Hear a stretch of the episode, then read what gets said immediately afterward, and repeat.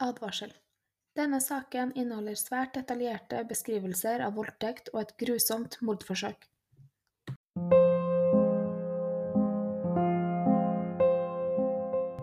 Alison Bota ble født 22.9.1967 i Port Elizabeth i Sør-Afrika. Her bodde hun sammen med moren og broren sin. Foreldrene hennes skilte lag når hun var ti år gammel. Når hun var ferdig på videregående, brukte hun noen år på å reise, før hun begynte å jobbe i et forsikringsselskap i hjembyen. Den 18. desember 1994 var Alison på stranden med noen venner. I Sør-Afrika begynner sommeren i desember. Utpå kvelden dro de hjem til henne for å spille spill og spise pizza. Når den siste gjesten hennes skulle hjem, bestemmer Alison seg for å kjøre henne, så hun ikke trenger å gå alene. Etter å ha kjørt venninnen sin hjem rundt klokken ett på natten, parkerte hun bilen sin nær leiligheten sin. Hun strekker seg over til passasjersiden for å hente bagen sin. Før Alison rekker å skjønne hva som foregår, kjenner hun en varm vind treffe henne. En mann hadde åpnet bildøren hennes. Han står der med en kniv og sier, Sett deg på passasjersetet, ellers dreper jeg deg.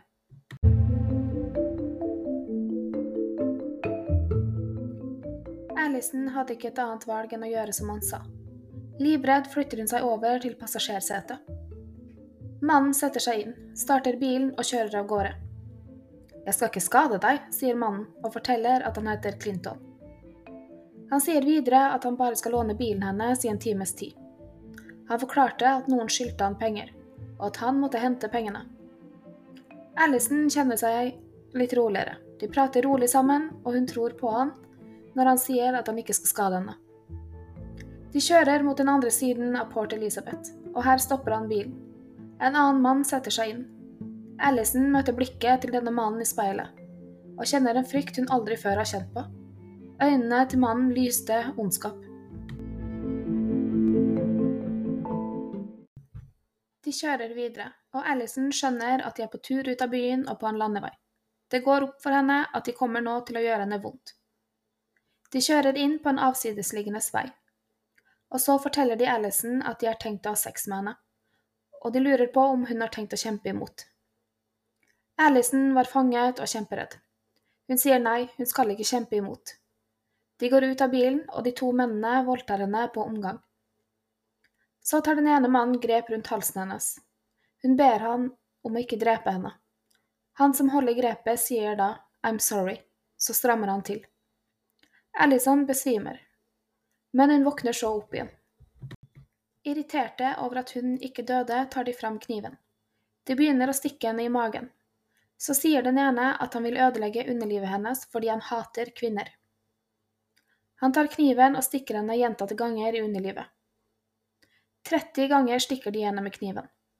De stanser og tenker at nå er hun død. Men så ser de at foten til Alison rører seg. De henter fram kniven igjen og fører den mot halsen hennes. De skjærer over halsen hennes 17 ganger. Alison har forklart. Alt jeg kunne se, var en arm som beveget seg over ansiktet mitt, fra høyre til venstre og venstre til høyre. Mens han gjør dette, hører hun en lyd, en våt lyd. Det var lyden av huden min som ble skåret over.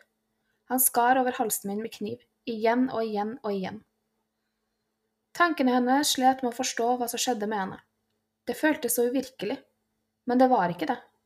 Jeg følte ingen smerte, men det var ingen drøm. Dette skjedde virkelig.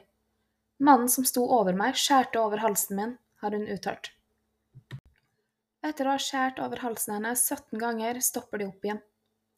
Alison ligger og hører at de beundrer jobben de har gjort mot kroppen hennes. Den ene mannen spurte den andre. Tror du hun er død? Ingen kan overleve dette, får han til svar fra den andre mannen.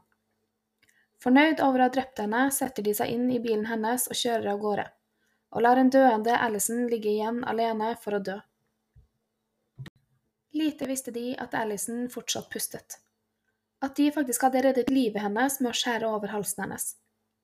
For når de prøvde å kvele henne, knuste de pusterøret hennes, og hun fikk ikke til å puste. Men når de skjærte over halsen hennes, lagde de et hull i pusterøret som gjorde at hun pustet gjennom halsen. Alison lå der og tenkte at hun måtte gjøre noe. Mennene hadde under voldtekten og tortureringen brukt sine egne navn når de snakket sammen. Hun visste at om hun døde her uten at noen vet hvem som gjorde dette mot henne, kunne de gjøre det samme med noen andre. Hun skriver derfor navnene deres i sanden hun ligger i, Frans og Kruger, etterfulgt av Jeg elsker mamma. Etter at Alison hadde ligget der en stund, ser hun billys et stykke unna. Hun skjønner at hun ikke er så kjempelangt ifra veien. Om hun bare kunne komme seg til veien, så kunne hun kanskje få noen til å hjelpe seg. Hun begynner derfor å dra seg bortover sanden, men hun kjenner at noe henger og slenger ved foten hennes. Hun ser at det er innvollene sine som henger ut av magen sin. Hun får øye på klærne sine som overgrepene hadde slengt fra seg. Hun får tak i T-skjorten sin. Hun bruker den og prøver å holde innvollene på plass mens hun prøver å dra seg bortover sanden med én arm.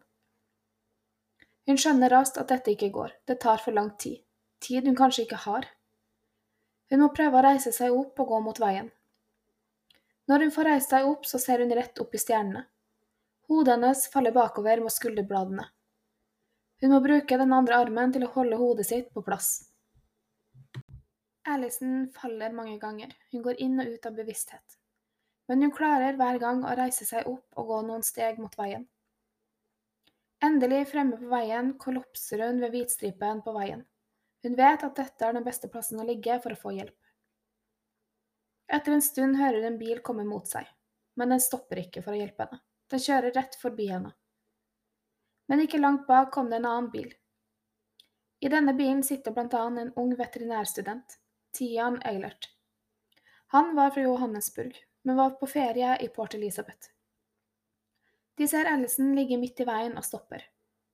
Gud puttet meg på denne veien midt på natten, skal han ha sagt senere. Han brukte det han hadde lært på veterinærstudiet, og jobbet med å få plassert de skitne organene hennes inn i kroppen hennes igjen. Så ringer han til 911. Han passer på at hun ikke sovner, og snakker med henne hele tiden mens de venter.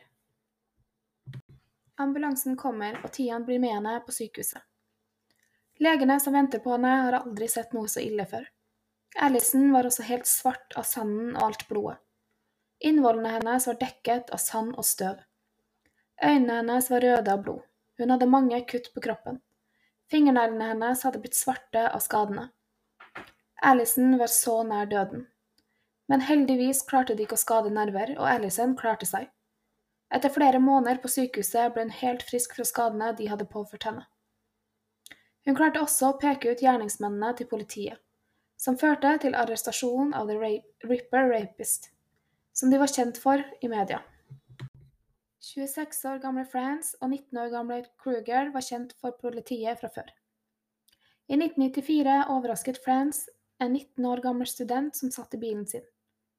Han hadde en pistol, og han bedde henne om å flytte seg til passasjersetet før han satte seg inn i førersiden. Han kjørte til en avsidesliggende vei og voldtok jenta, før han kjørte til en kafé hvor han kjøpte henne mat og en rose. Så kjørte han de tilbake til en annen avsidesliggende vei og voldtok henne igjen, for så å kjøre henne tilbake til byen. Hun anmeldte voldtekten en uke senere, og han ble arrestert i mars for dette, men løslatt mot kausjon kort tid etter. Noen måneder senere, den 14. desember 1994, gikk France og Kruger til en 21 år gammel kvinne. Hun var gravid i tredje måned. De truet henne med pistol og tvang henne til å gå til en avsidesliggende vei i byen, der de voldtok henne hver sin gang. De hadde planlagt å drepe henne, men de bestemte seg for å la henne gå. Hun anmeldte voldtekten med en gang, og de ble begge arrestert den samme dagen som de voldtok henne. De ble så løslatt mot at de møtte opp foran en dommer den 5. januar. Dommeren var da ikke klar over at France hadde noen måneder tidligere voldtatt en annen jente. Bare to uker etter at de voldtok den 21 år gamle gravide jenten, kidnappet de Alison og voldtok og prøvde å drepe henne. Når de ble tatt med inn til avhør, ble Kruger sjokkert over å høre at Alison fortsatt levde. Han gitt etterforskerne kniven de brukte når de prøvde å halshugge henne, og ringen han hadde stjålet av Alison. Han innrømmet alt han hadde gjort.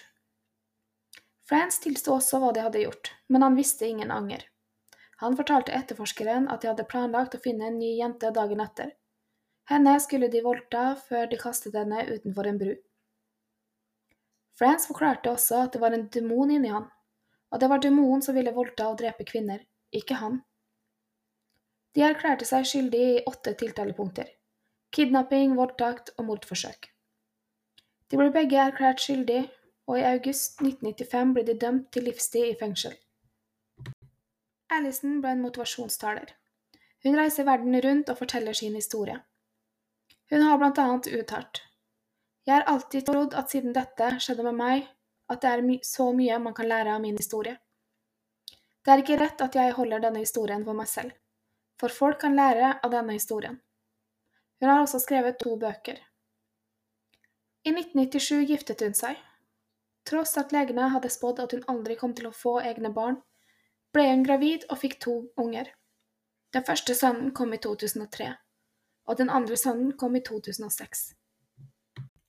Følg meg gjerne på Instagram under Drapspodden. Jeg setter stor pris på, på å høre hva du syns om denne episoden. Jeg legger også ut videoer på YouTube under Drapspodden.